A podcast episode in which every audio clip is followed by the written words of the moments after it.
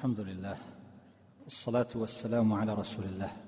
أما بعد ففي هذه الليلة سنتحدث عن المثل الثاني من هذه الأمثال القرآنية وهو المذكور في قوله تبارك وتعالى في سورة البقرة أو كصيب من السماء فيه ظلمات ورعد وبرق يجعلون أصابعهم في آذانهم من الصواعق حذر الموت والله محيط بالكافرين. يكاد البرق يخطف أبصارهم كلما أضاء لهم مشوا فيه وإذا أظلم عليهم قاموا ولو شاء الله لذهب بسمعهم وأبصارهم. إن الله على كل شيء قدير. عرفنا أن المثل الأول المذكور في قوله تبارك وتعالى أو كصيب من السماء فيه ظلمات ورعد وبرق. أنه في المنافقين وأنه يصور حالهم في ذلك الإيمان المدعى المزعوم.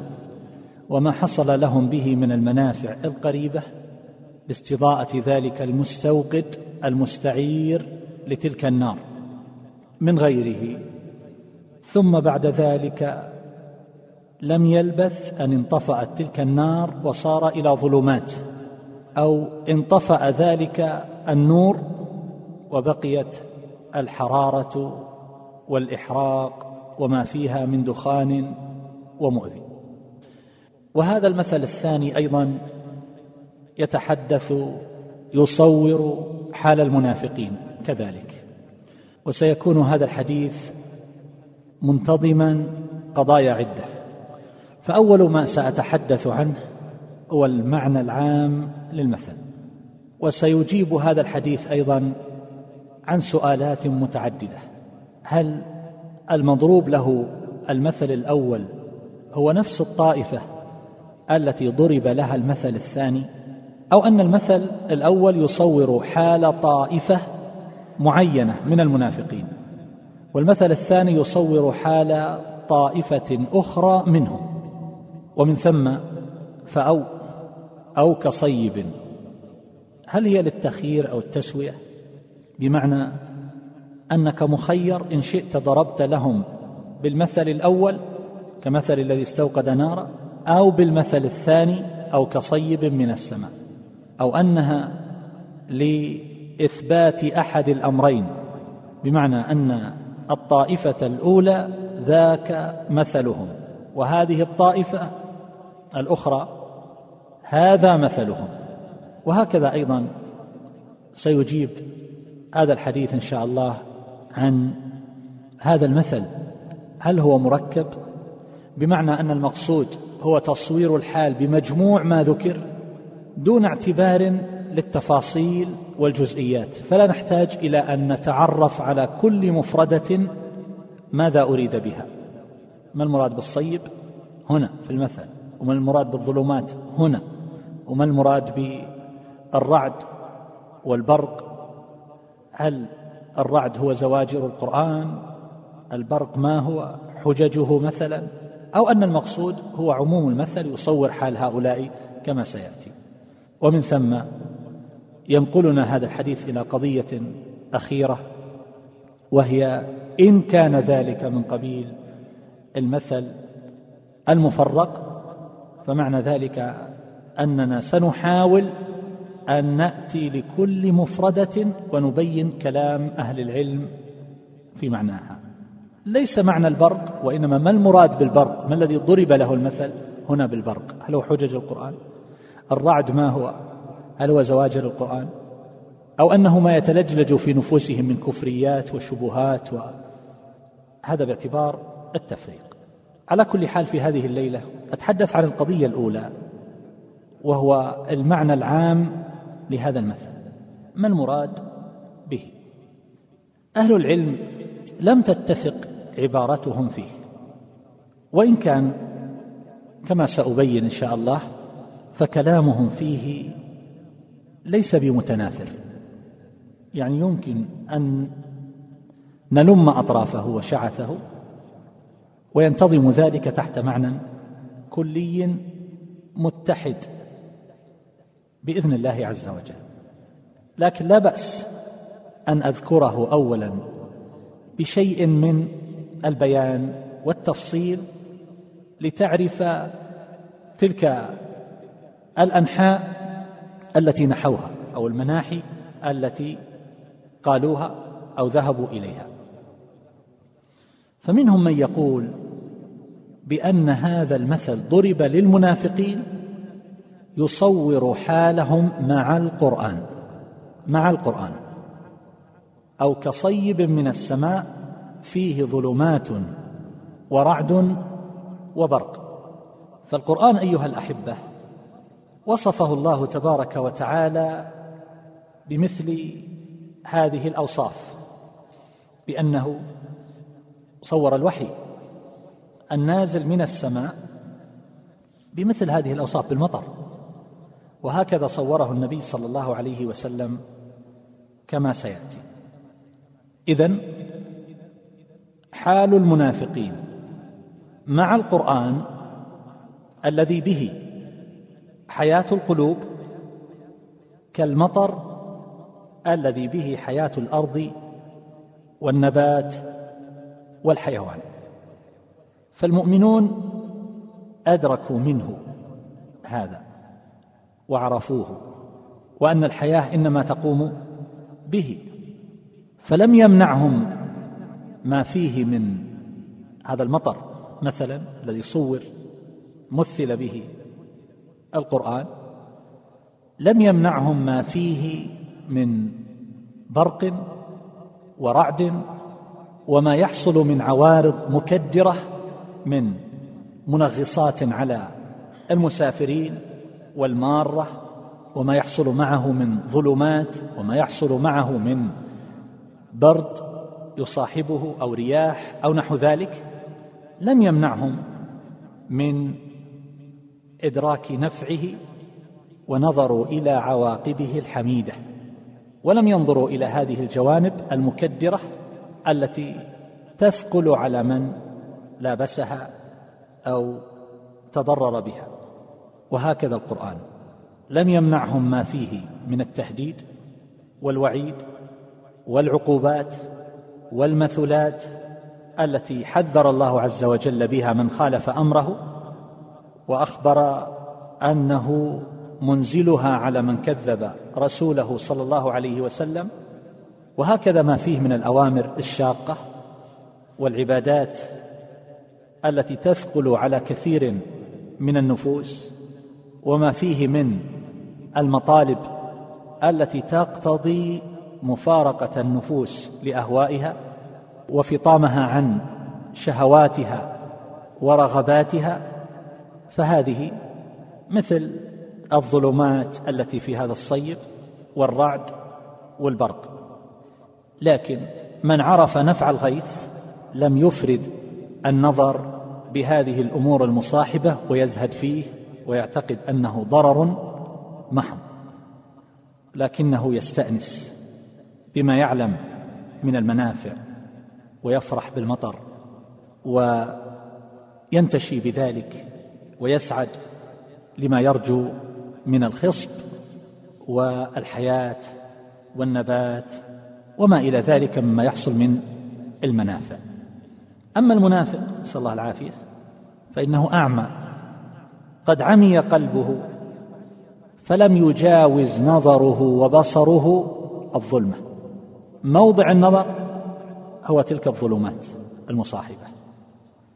ولم يرى إلا ذلك البرق الذي يكاد يتخطف الأبصار ولا يكاد يسمع إلا الرعد والظلمة فيستوحش من ذلك ويخاف فهو كذلك الذي يضع أصبعيه في أذنيه لئلا يسمع صوت الرعد ويضطرب من شدة لمعان البرق.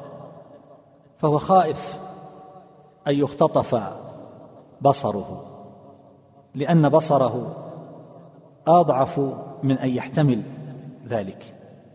فهو في ظلمة يسمع صوت الرعد القاصف ويرى ذلك البرق الخاطف.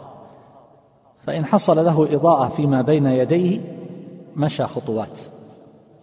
فإذا ذهب ذلك الضوء وقف متحيرا في الظلمة. لا يدري أين يذهب. وهو لجهله المطبق لا يعلم أن ذلك من لوازم المطر الذي به تلك الحياة العظيمة المتنوعة. فهذا الوحي النازل به حياة القلب به الحياة الحقيقية للإنسان يرسم السعادة وطريق النجاة ويبين للإنسان ما يحصل به كرامته ورفعته وما يغتبط به في الدنيا والآخرة. لكن المنافق لا يدرك شيئا من ذلك. هو لا يتذكر فقط إلا الرعد والبرق والظلمات ولا يشعر بما وراء هذه الأمور فالوحشة لازمة له. والرعب والفزع والهلع لا يفارقه بخلاف من صارت نفسه تأنس بهذا الصيب وإن كان لا بد معه من رعود وبروق فإنه لا يستوحش. ولا يقطعه ذلك عن أخذ نصيبه من ذلك الصيب الطيب والإقبال عليه والانتفاع به. فهذا مثل لما أنزله الله عز وجل على رسوله صلى الله عليه وسلم من الوحي. اقتضت حكمة الله عز وجل أن يقارنه من الغيم والرعد والبرق. ما يقارن الصيب من الماء فهذه لله فيها حكم بالغة. فصار حظ المؤمن الانتفاع بهذا الوحي. وأما المنافق فلم ير فيه إلا ما يحصل به خوفه وهلعه ووجله من وعيد وتهديد والأوامر والتكاليف الشاقة على النفوس فيكون ذلك سببا لارتيابه وعدم الانتفاع به. فهذا حال هؤلاء. وهذا تصوير الله عز وجل لوقع القرآن عليهم. فإن حصل مع ذلك أمور زائدة من شبهات مضللة يلقونها وجهد ينشرون به باطلهم فإن فتنتهم تكون مستطيرة. والحافظ ابن القيم رحمه الله يذكر حال هؤلاء وما يحصل بسببهم من الشر العظيم حيث ينخرون في جسد هذه الأمة ولهذا كاثر الحديث عنهم. في القرآن الكريم. هذا حاصل هذا القول في معنى هذا المثل. ومن أهل العلم من يتوسع فيه قليلا. تجد ابن القيم رحمه الله في بعض كتبه مثل إعلام الموقعين يخرج من ذلك إلى أحوال أناس ينتسبون إلى أهل الإيمان. وكيف أنهم لما ضلوا وانحرفوا عن الصراط المستقيم طوائف من أهل الكلام مثلا من الجهمية وغيرهم كيف أن الاستدلال بنصوص الوحي يزعجهم جدا وأنهم يضيقون ذرعا بذلك وإنما يريدون الجدالات العقيمة وكلام الفلاسفة الذي هو مظلم كله من أوله إلى آخره. ولذلك تجد الذي يقرأ في تلك الكتب في كتب هؤلاء يظلم قلبه. كتب الفلسفة. فيضيقون ذرعا بحجج القرآن ونصوصه. يقول هكذا أيضا تجد الذين يعادون أصحاب النبي صلى الله عليه وسلم إذا ذكرت لهم النصوص في فضلهم فإن ذلك يزعجهم غاية الإزعاج. وتجد أهل الإشراك من القبوريين والوثنيين وعباد الأضرحة وما أشبه ذلك إذا جيء لهم بنصوص التوحيد وأنه لا ينفع ولا يضر إلا الله تبارك وتعالى فإن ذلك يزعجهم جدا. وأذكر أن أحد الشيوخ كان على هذه الطريقة ثم هداه الله تبارك وتعالى فالشاهد أنه كان يناظر أحد شيوخ الصوفية فلما ذكر له آية من القرآن في أنه لا ينفع ولا يضر إلا الله عز وجل رد عليه ذاك ردا بادره فيه قال يا ابني هذه آية وهابية. آية وهابية لأنه يسمع أن هؤلاء اللي يلمزون بهذا دائما يحتجون بمثل هذه الآية في الرد على عباد القبور.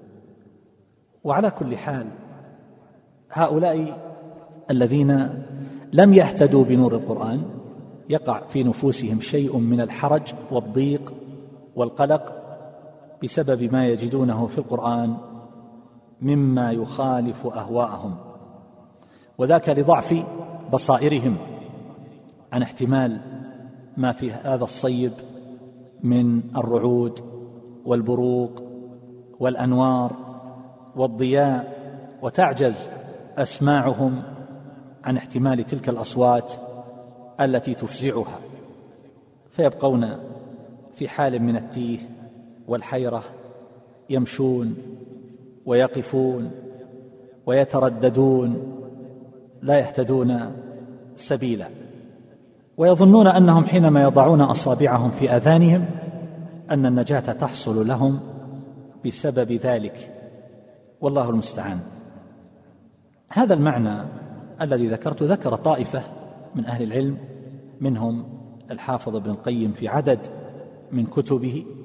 كمدارج السالكين وإعلام الموقعين والوابل الصيب ذكره البغوي أيضا في تفسيره الشيخ عبد الرحمن ابن سعدي أيضا والطاهر بن عاشور في التحرير والتنوير كلهم يصور هذا المعنى. وأن الله تبارك وتعالى قال كمثل غيث أعجب الكفار نباته. هذا في القرآن وكذلك أيضا مثل ما بعثني الله به من الهدى كمثل الغيث أصاب ارضا فكان منها نقية. إلى آخر ما ورد في سنة رسول الله صلى الله عليه وسلم. وعبارات هؤلاء العلماء وإن كان فيها شيء من التفاوت لكنه لا يؤثر. الذين نحوا هذا المنحى لأنه يبقى ما يتصل بالرعد والبرق والظلمات ما المراد بها؟ وإن قال هؤلاء بأن المراد بالصيب هو القرآن مثل الوحي والقرآن بهذا.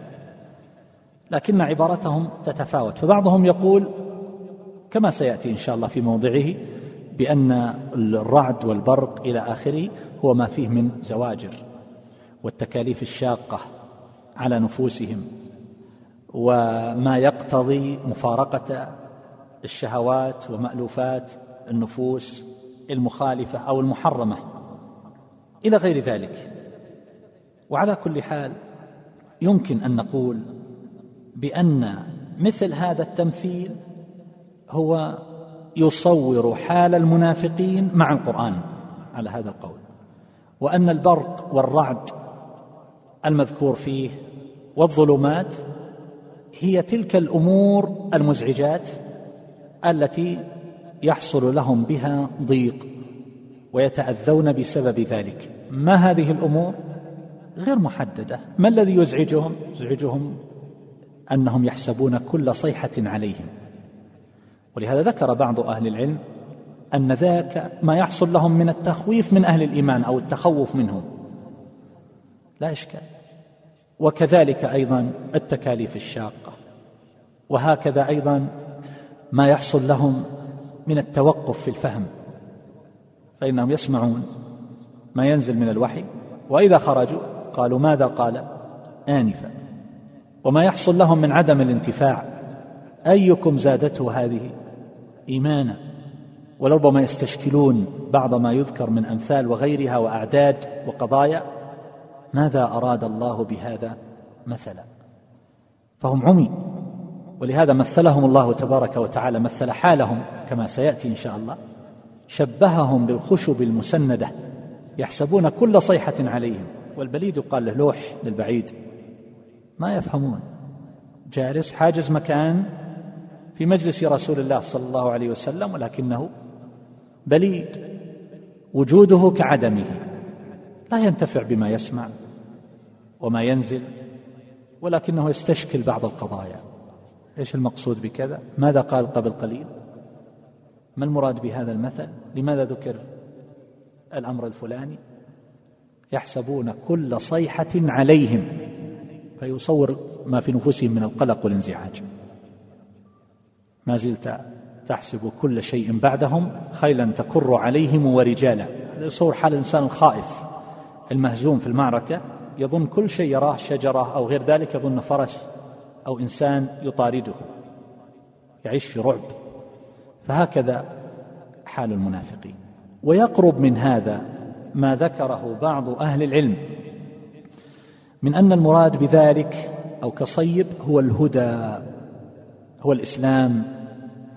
هو هذا الدين الذي جاء به الرسول صلى الله عليه وسلم. فنصيبهم منه كما في المثل الأول كذاك الذي استوقد نارا ثم انطفأت أنوارها. أحوج ما يكون إليها وبقي في الظلمات. وهكذا أيضا أصحاب الصيب فهذا الهدى وهذا النور وهذا الإيمان هو حياة الأرواح. وحياة النفوس هو الحياة الحقيقية. أو من كان ميتا فأحييناه. فمن كان على الكفر فهو ميت. من كان في الضلالة فهو أعمى. ومن حصلت له الهداية فهو على نور من ربه. الله ولي الذين آمنوا يخرجهم من الظلمات إلى النور. والذين كفروا أولياؤهم الطاغوت يخرجونهم من النور. إلى الظلمات. فنصيب أهل الإيمان هو الحياة الكاملة والانتفاع بهذا الدين في العاجل والآجل.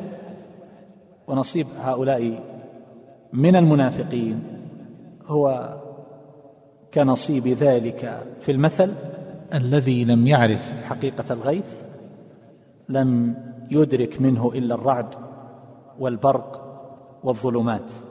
فهذا قريب مما قبله. ابن القيم رحمه الله يقول هذه حال أكثر الخلق إلا من صحت بصيرته وهذا تجده ظاهرا أحيانا. قد يحضر الإنسان درسا أو محاضرة أو نحو ذلك ولا يأخذ منها شيئا إلا أنه حينما قال كذا ماذا قصد؟ لماذا قال كذا؟ ما أعجبني كذا؟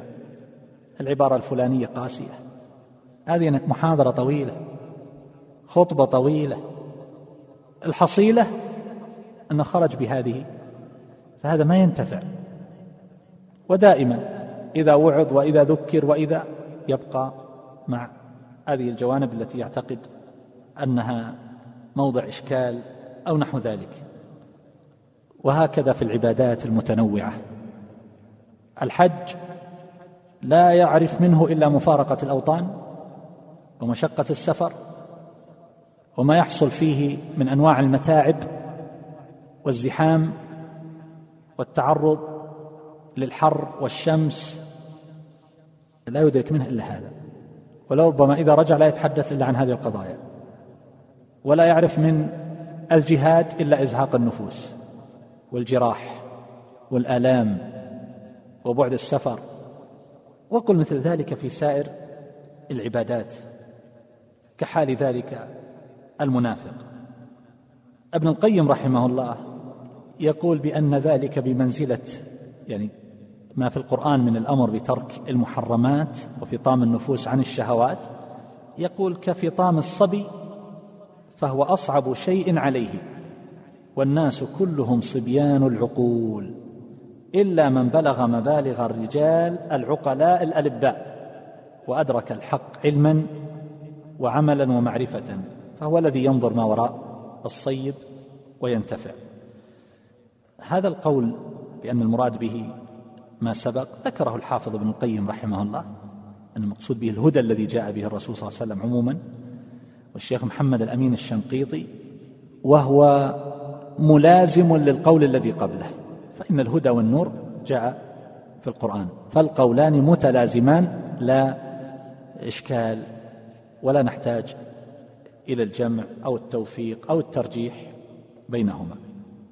وبعضهم يقول هذا وصف لحال المنافقين وصف لضلالهم وكفرهم كما جاء عن ابن عباس رضي الله عنه قال أي هم من ظلمات ما هم فيه من الكفر والحذر من القتل؟ على الذي هم عليه من الخلاف والتخويف منكم على مثل ما وصف. من الذي هو في ظلمة الصيب فجعل أصابعه في أذنيه من الصواعق. حذر الموت؟ يكاد البرق يخطف أبصارهم. إلى آخر ما قال. بمعنى أن هذا المثل يصور القلق الواقع في نفوس المنافقين المخاوف التي في صدورهم. من القتل من الفضيحة من انكشاف أمرهم من البطش بهم من إنزال العقوبات من الله بهم أو إنزال العقوبات منكم لأنه يصدر منهم ما يستوجب العقوبة. حينما يقول قائلهم لئن رجعنا إلى المدينة ليخرجن الأعز منها الأذل هذه ردة.